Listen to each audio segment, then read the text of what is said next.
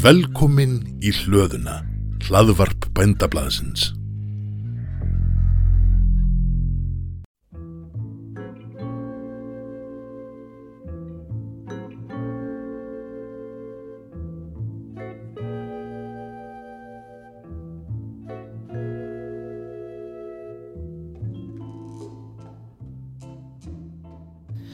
Þetta er þátturinn afstafa. Ég heiti Guðrún Hulda.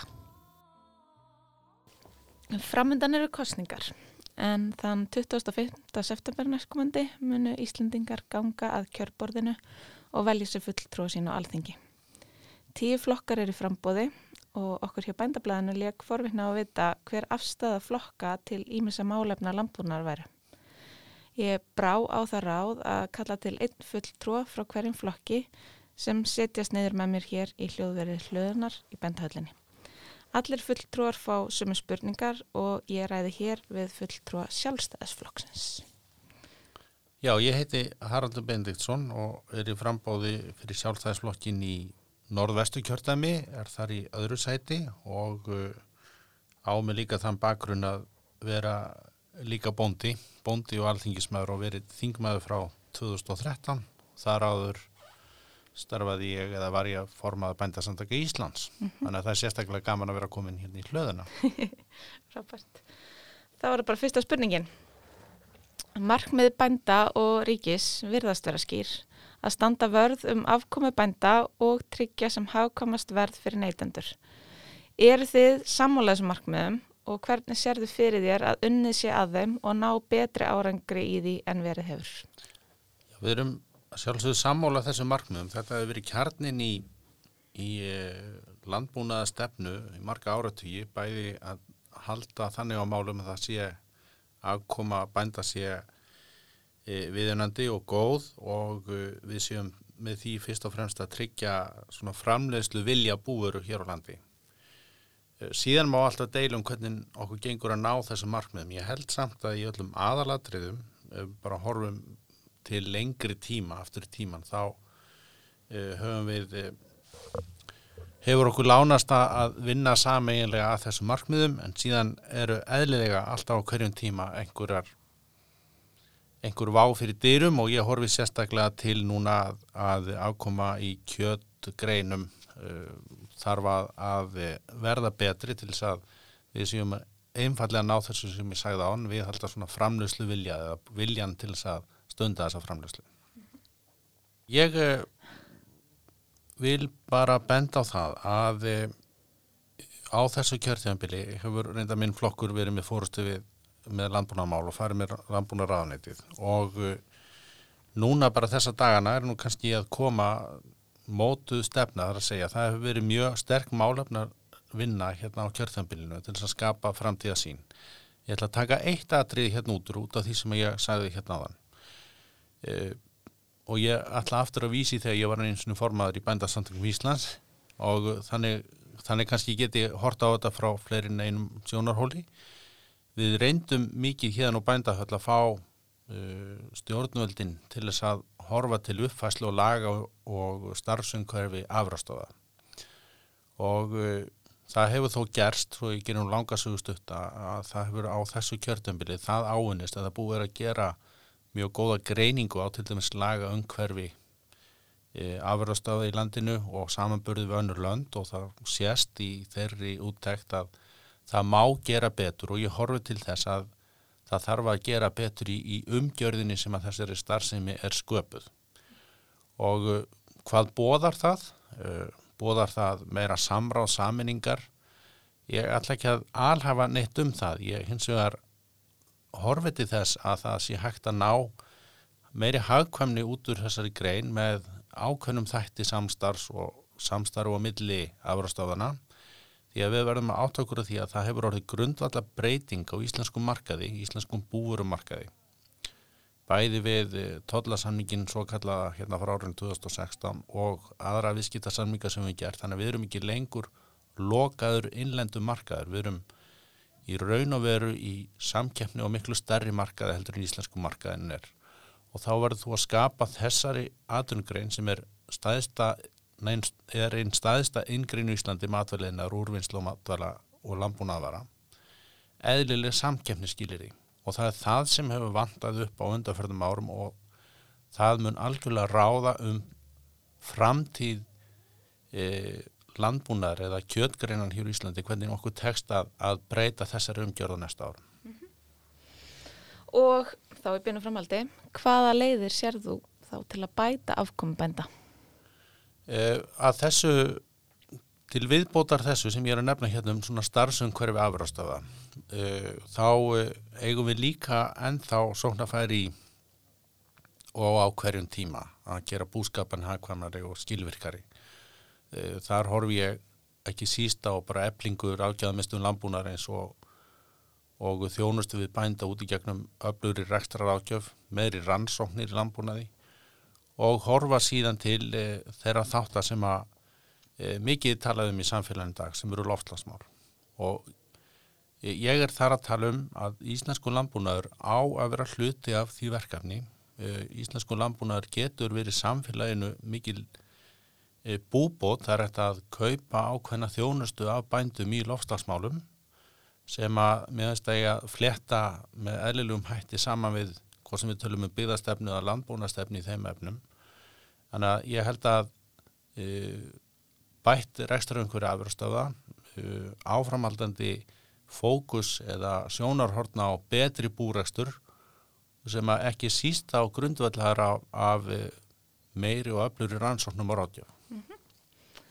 Um, hvaða aðgerðum bændum í hag, hyggst flokkurinn beita sér fyrir á næsta kjörtjumabili?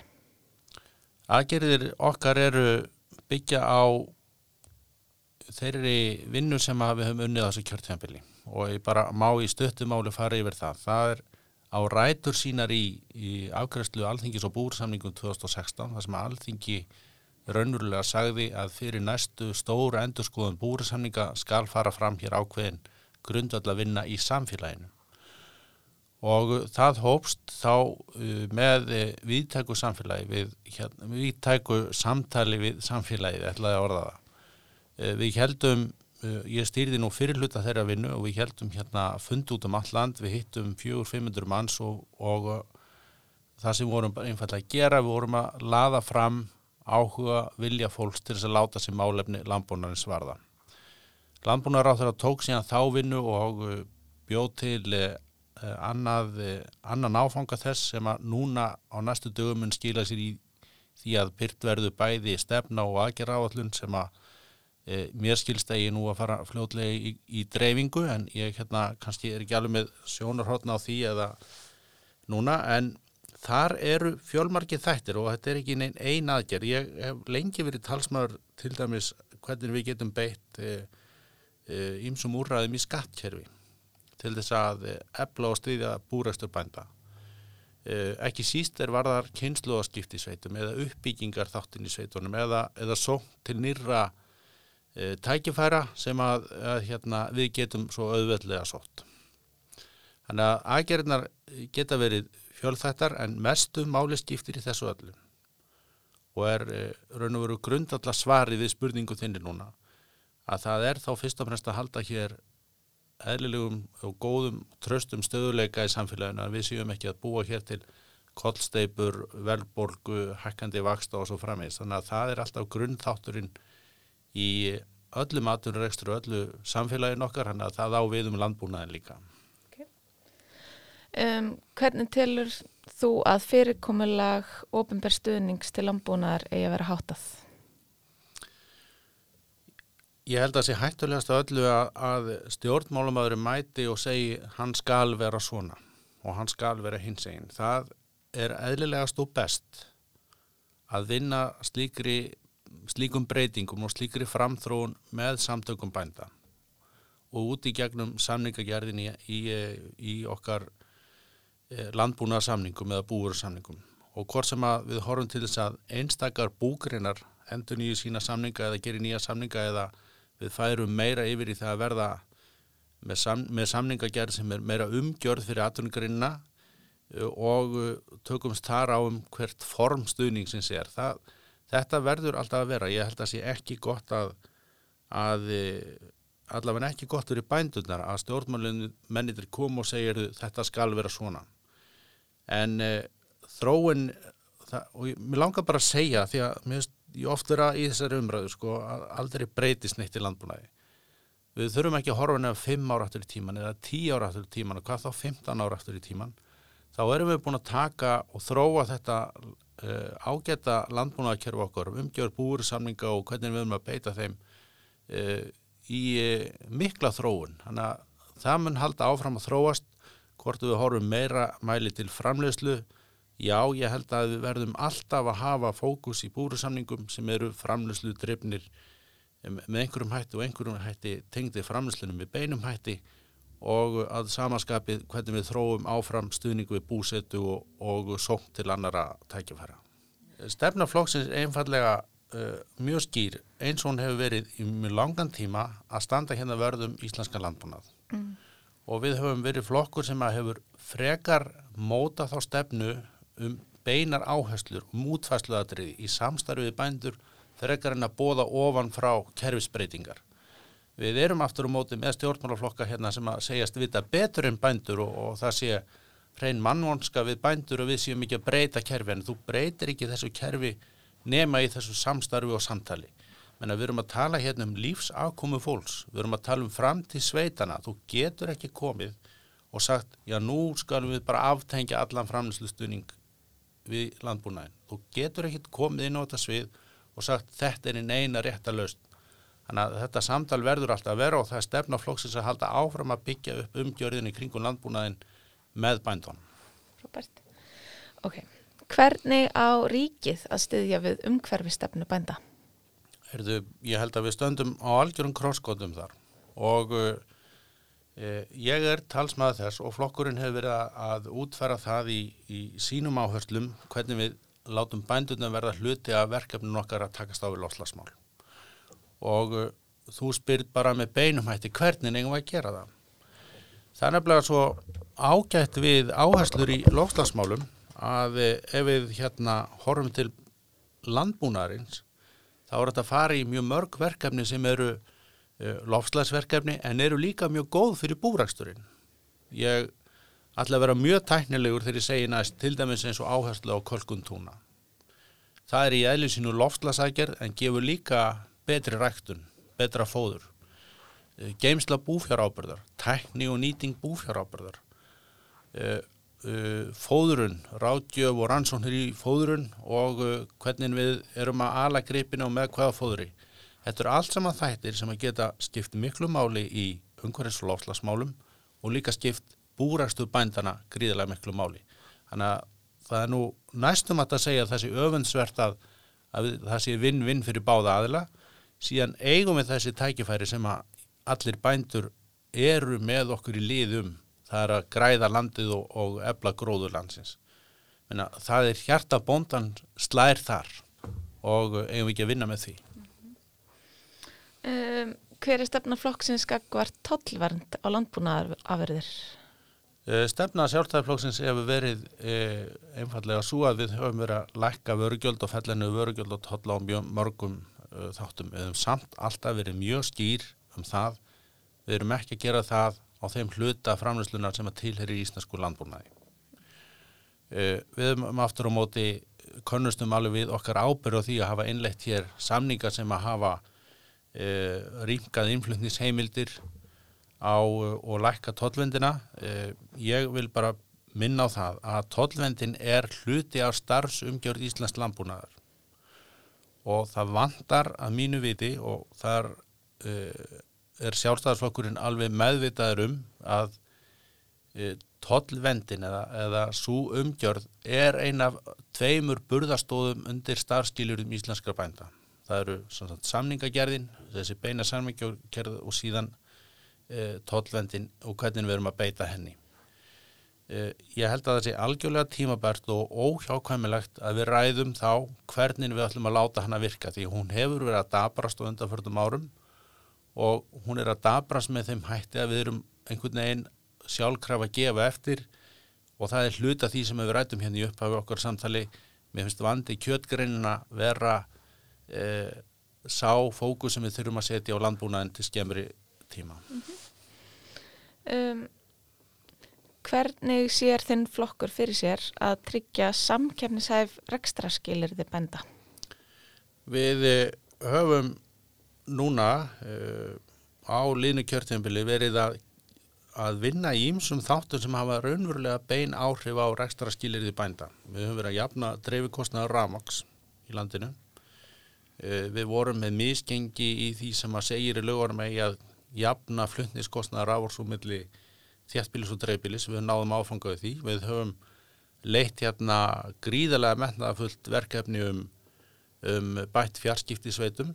Uh, við höfum að samanskapi verið að flýta núna þrýfösun og ramagni uh, þar sem við erum núna búin að taka áallanir sem að gera ráð fyrir að þrýfösun og ramagns í sveitum eru komin á enda mörg eða ákveðin staður 2036 og stitta þannig í 2025 bara trúðu mér sko í þessu húsi í bændahöllinni sem við sitjum voru nú eiginlega engin mál meira rætt á búnað þingum sem ég satt en fjarskipti og, og þrýföns og ramags og ramagsmál Þannig að ég get bara sagt með nokkur stolti að þetta höfum við allavega uh, þoka vel áleðs og raunverulega komin í mjög góða stöðu. Þetta er með beinum hætti hefur mikil áhrif á uh, samkjæfni stöðu landbúnarins. Þar bæti síðan við viðverandi verkefnum að bæta uh, samgöngur með öðrum hætti. Og uh, vegamál eru, eru með sama skapi hérna að hafa bein áhrif á samkjæfni skilir í landbúnarins um, og á hvaða hátt viltu þá bæta vega framkantir til þess ég, ég er að tala fyrir því þessari kostningabartu um, að e, tengi vegir. Þetta er nú mjög tæknileg umræða. Ég ætla samt að reyna að hafa hana skiljanlega. E, malarvegi sveitum e, sem börn þurfa að ferðast um langan veg til þess að mæti í, í skóla. Hverju meðanst þetta degi, fólk sækir atvinnu um langan veg eftir þessum malarvegum. Það er verið að senda fóðurbíla, mjölkubíla, gripaflutningabíla af því að það er atvinnuregstur út í sveitunum. Uh, á sema tíma stöndum við hérna í umræðum borgarlínu og erum að og sem að ég ber ábyrða á að fylgja eftir og mér finnst þetta gott verkefni, ég ætla bara að taka það fram. Á sama hátt vilja við tökum sveitavegina og samgöngúrbætur í sveitum, þar að segja vegina sem ekki eru fjölfarnastir í dag en eru samfélaginu gríðarlega mikilvægir og hvort við kallum það sveitalínan eða átak í, í lagningu snillasa á, á tengivegi sveitum þá verður einfallega að kveikja vonina allavega um það. Það verði í fyrirsjálegur framtíð einhverja vegabætur uh, hvort sem við horfum uh, á Norðurlandi vestra eða, eða Östurlandi eða hvar þessi uh, þessa miklu vegaleindir er á, á slæmur malarvegum. Þannig að ég held að ráði algjörlega um uh, framtíð í byggð í mörgum sveitum hvað við komumstum áfram hratt með þetta. Þetta er raun og verið alveg sama og gerðist hér fyrir nokkur márum með fjarskiptin. Ef við færum ekki átak þá myndi einhvað gefa eftir. Okkur tókst að gera átak í fjarskiptum. Við erum með einhver bestu fjarskipti í sveitum í okkar heimsluta eh, hér á Ísland í dag og við höfum bara sínt við getum þetta. Við höfum að taka vegamálinn sem við tökum næst. Áttu upp á slag? Uh, herri, já, ég er hérna ég er rosa hrifin að nýju appalögunum, ég hérna, skal játa það. Okay. en ég er ekki búin að gera upp á millið þeirra. Ég hef trú á þér, það er nýja lagi með appa af því að ég hef líka trú á íslenskan landbúnaði.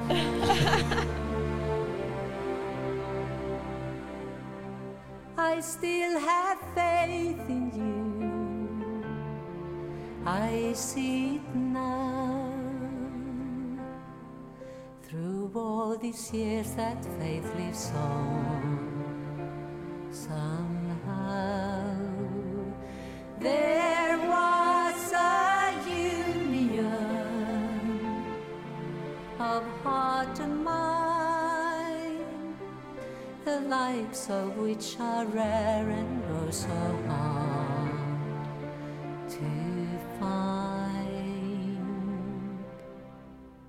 Do I have it in me? I believe it is in there. For I know I hear a bittersweet song in the memories we share. I still have faith in you, and I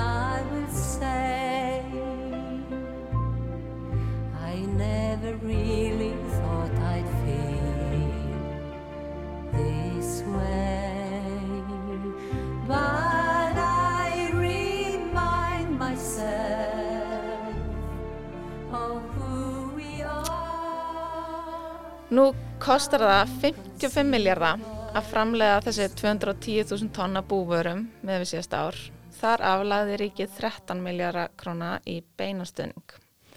Ef bændum er falið að setja eitthvað hlutvall af þeim styrkjum sem þeir fá í dag til að ná árangri umhverfismálum, já, hvernig séu þau fyrir þér að kostnar bænda við að vera umhverfisvenni verið dekkaður? Ég vil ekki setja þetta með beinum hætti í þetta samengi því að ég er að tala fyrir því að við sem samfélag við þurfum ákveðina ákveðina breytingar í hvernig við höfum okkur sem þjóð. Og við þurfum að losa minna, við þurfum að binda meira.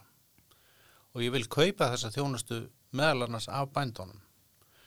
Ég, ég ætla ekki að segja að sá stuðningu sem landbúnarinn hérna er að vinna með í dag hann verði allur settur að takast á við þó verkefni. Ég er að segja, samfélagi getur keift ákveðna þjónust af íslenskum bændum og við erum að verja í okkar fjárlögum núna vaksandi hluta af skattekjum okkar til þess að fjárfesta í loftslagsverkefnum. Hann er að segja, fjárfestum með bændum í loftslagsverkefnum og þá eru það líka þeir fjármunni sem við höfum verið að leggja nýja til þessara mála. En það má líka alveg muna það að bændur hafa líka náð miklum árangri í lofslagsmálum. Menna, aukin afurða sem er búfjár undanfjörðum árum eru þetta lofslagsvæn aðgerð. Bara tökum eitt slíkt dæmi. Ofta er nú talað um að, að með réttu að sjárútugurinn hafi vegna þess kerfi sem að þar er e, dreigið saman ólífunótkun á hvert veitt tonn. Á samanskapi getum við tekið mjölkuframsluna. Þar höfum við stór minkað ólífunótkun með því samþjöppun á framlöslinni reyndar, uh, fækkun afurastöða, markvisari umgjörði kringum, kringum mjölkuvinnslu mjölkusöfnun. Þetta er allt saman árangur sem við höfum náð sem spilar alveg með þessum markmiðum okkar í lofslagsmálum. Þannig að gleymið því aldrei að landbúnurinn hefur verið hluti af þessum málum í langan tíma og mun verða það áfram. Hvernig á að tryggja að framleiðsla innlendra og innfluttra matvæla lúti sömu kröfu? Já, þetta er hérna góð spurning en það sem að ég leiti, var að vísa á þann, ég hefði farið í mikla vinnu hérna með stórum hópi fólks eh, hér fyrir á kjörtíðanbílinum viðhór til landbúnaðins og hvernig fólk sæði fyrir þessi landbúnaðin og eh, það sem að ég tók eiginlega meirst með mér út úr þeirri vinnu þegar maður talaði inn í hópin sem er kannski fyrir utan landbúnaðin þá var bara vilji fólks til þess að velja íslenska búvaru og viljin þess til þess að, að eh, það hefði geti treyst því að geti gengið aðinni. Það væri verið að gefa um þær upplýsingar að varan væri íslensk. Og uh, það sem að ég held að horfi kannski fyrst og fremst heim til okkar bændana, hérna íslensku bændana, það er einhvern veginn hvernig við náum betra samtali við vestlununa sjálfur, þannig að við séum sjálfsæði liðsmenn íslenskra vestlunar þegar kemur á þessum málum. Og við séum líka í liði með vestluninu að upplýsa neytundunar um uh, framlöslaðaferðinar og varan sé raunverulega íslensk og hvernig hún er framleitt. Ég held að við gerum þetta bara ekki með reglugjörðum eða bara með einhverju lagasetningu um merkingar og slíka hluti heldur fyrst og fremst bara með þessu eðlilega samtali sem verður að vera. Við erum alltof, við erum, við erum alltof lengi í sikkur liðinu, segi ég, bændur og vestlun. Um, hvaða áherslur mun flokkurinn beita sér fyrir við mótun landbúnaðastefnunar? Uh, þetta eru fjölþætt uh, verkefni, það eru ekki síst uh, lofslas og umhverfismálinn og umhverfis áhrifun á landbúnaðanum og hvernig landbúnaðan getur verið áfram í því. Ég nefndi áðan ímis úrræði skattamálum, hvernig getum við nota skattkerri til þess að auðvelda nýjum kynsluðum að koma inn, taka við, kaupa Uh, og við höfum verið í heilmiklu verkefnum í húsnæðismálum á kjörtjambilinu höfum við, ein, höfum við hérna útleitt þau öll alveg yfir í bújarðakaup. Uh, það vantar einhvað upp á þar, uh, þannig að svona í uh, stóru myndinni umgjörðin um landbúnaðin og hlutverk hans fyrir byggðin í sveitunum. Hvernig vil þinn flokkur tryggja búsetu á landsbyðinni og telur þú að afkoma í landbúnaði hafi áhrif á búsetu? Ég er ekki vafa að eh, áhrif af afkomi í landbúnaði er mjög stár þáttur í vali fólks um búsetu og auðvitað ræður afkoman því hvort að fólk vil stunda aðrangreina og hún er fyrst og fremst út í sveitónum. Minn flokkur hefur verið í farabróti í þeim málum sem ég var að telli hérna á áðan til að bæta og fjarskiptum takast aftur á við það að hraða framförum í orkutengingum eða ráorkutengingum og við rætum hérna aðeins um tengi veginn áfram. Að þessu sögðu langar mig bara að segja, heyrðu, í fyrsta sinn gerðist árið 2016-17 að það fór aftur að fjölga fólki í sveitum á Íslandi og það var 100 ára þróun sem að það hef ekki sést, það hefði fækkað mark, það hefði fækkað jæmt og þétt fólki búsett í sveitum. Búsetta í sveitum er að verða miklu fjölbreyttir en bara búskapur. Það eru ferðarþjónustan ekki síst e, spila stórt hlutverk Þannig að öflug ferðarþjónusta er hluta því að öfla byggði sveitum. Fjarskiptin eru mjög stór þáttur í því að breyta byggði sveitum og við sjáum ekki síst bara á þessu harða námskeiði sem við tókum í tölvumálum í gegnum COVID hvað fjarskiptin og, og frelsi til þess að velja sér búsættu og hátt starfi hefur haft mikið að segja. Þannig að framtíð sveitana mun á stórum hluta ráðast og því hvernig við náum að fylgja þessum breytingum eftir. Og það er eftirspurn eftir því að flytjast út í sveit og setjast þar að. Og þeirri eftirspurn verðum við þá að svara með því að hafa aðra þætti í samfélaginu lægi. Þá er ég að tala um eins og aðgengja hilbyrjastjónustu út í dreifum byggðum. Við erum búin að ræða samgöngunar ítalega.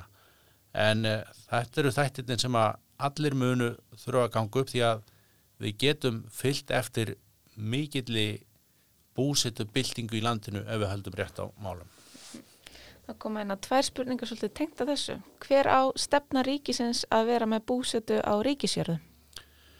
Við erum uh, mjög skýrum það að við viljum að það er ríkisjörði sem eru í uh, ábúð í dag og uh, í góðum rekstri að þær verði fyrsti kostur að selja ábúðundum þessara jörðin.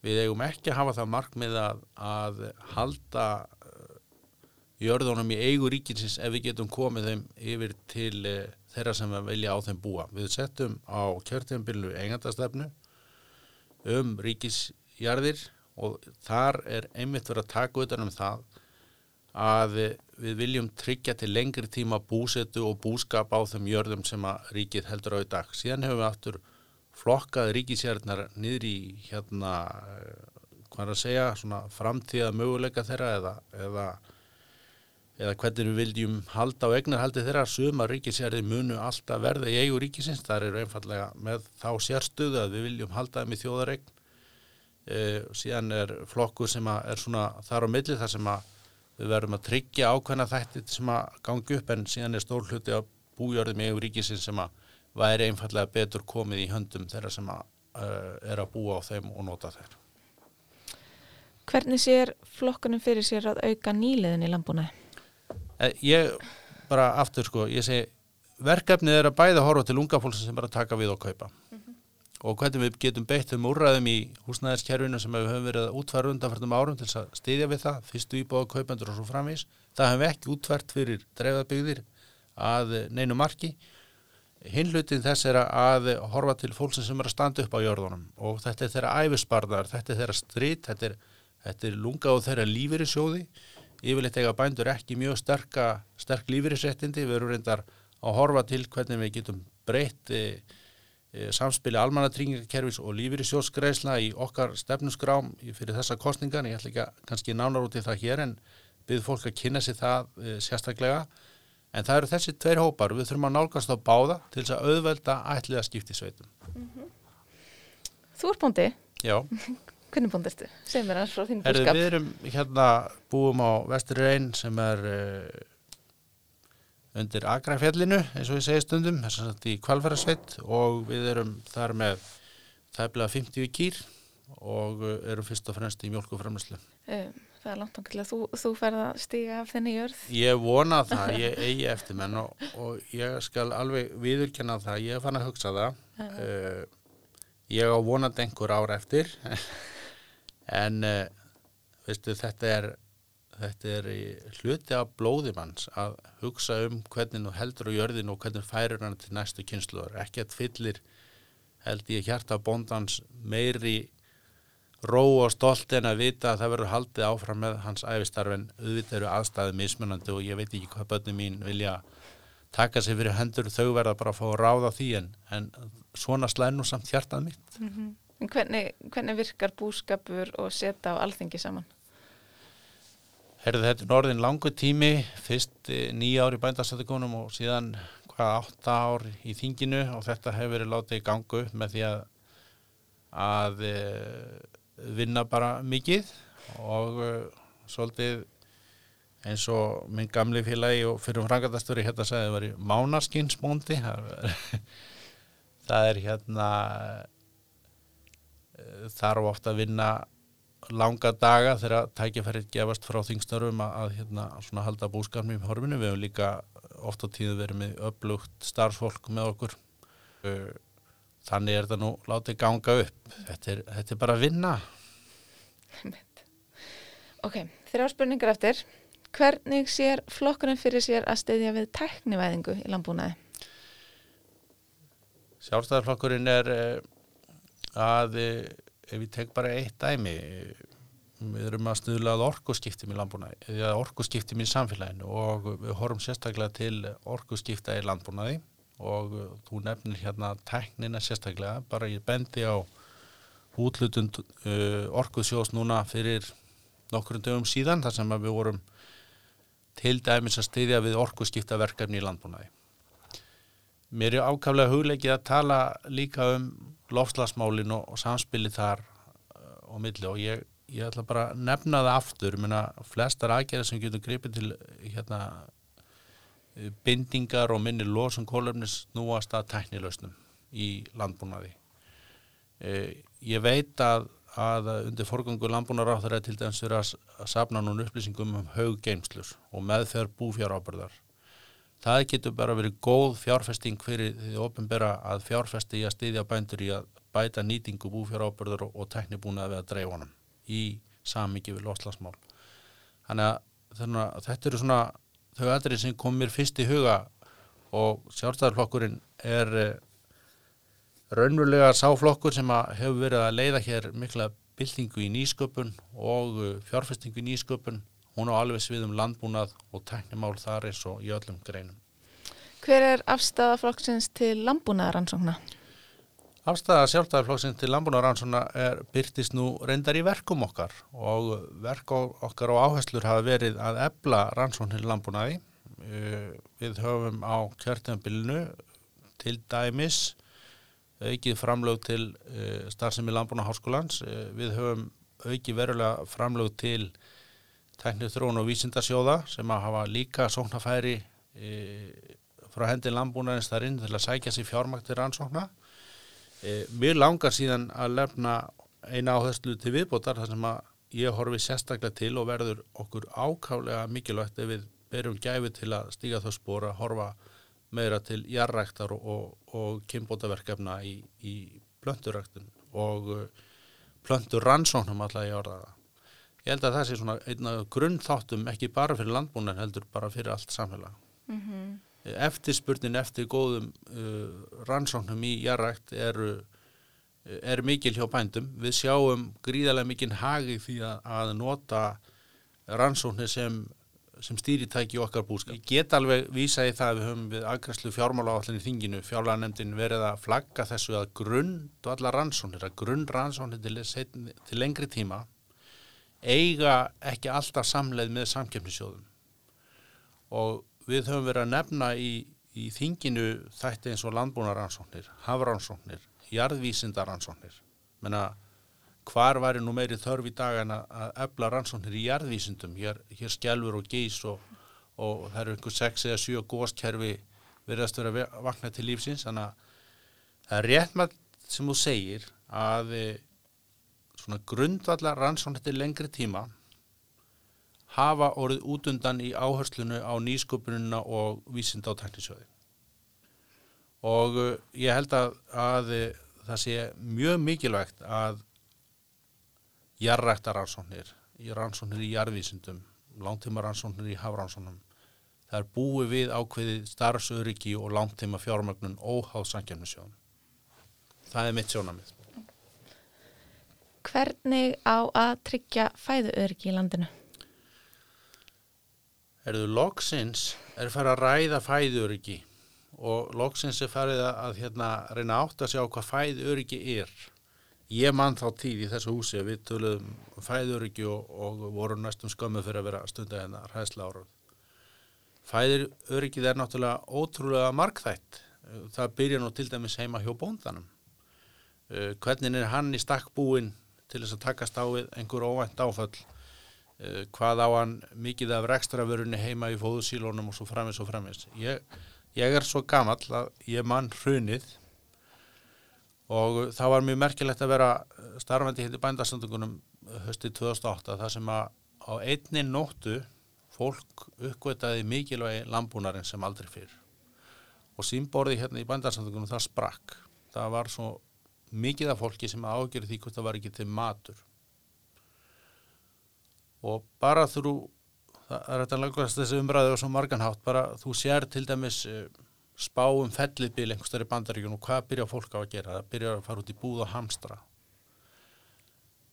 Fæðuöryggi er hluta þjóðaröryggi og það er svona að segja loksins fara að vinna margvist í þjóðaröryggismálum hér á Íslandi og þjóðaröryggi eru margir þættir, það er líka fjarskiptaöryggi, öryggi, ráorkin við og allt þetta er þessi þættir Nún er í það minnst að komin í gang vinna uh, af uh, undir forgöngu landbúnaráðurans um fæðu öryggismál og samstarfi landbúnaháskólinn þeim öfnum og ágætt skýsla sem kom út í, á árinu um fæðu öryggistætti og veikleik okkar þar. Vinnum þá með þessa veikleika og höfum þá í lægi því að það mun enginn hafa þólinn mæði fyrir því þegar verður hérna sem vonandi verður aldrei en það sem aldrei hefur verið getur alltaf gæst aftur að við höfum ekki hugað að þessi tíma hvernig við ætlum að tryggja ákveði innmið í samfélaginu meðal annars frambóð fæðunar. Þannig að sjálfstæðarflokkurinn hefur fæður ekki núna ekki bara í umtali heldur hann hefur gert einhvað í því. Ég þakka Haraldi fyrir að setja sniðið með mér. Svör annara frambjöðanda getur þú, hlustandi góður, nálgast hér á hlöðinni undir þáttaheitinu Afstafa X21. Góðar stundir.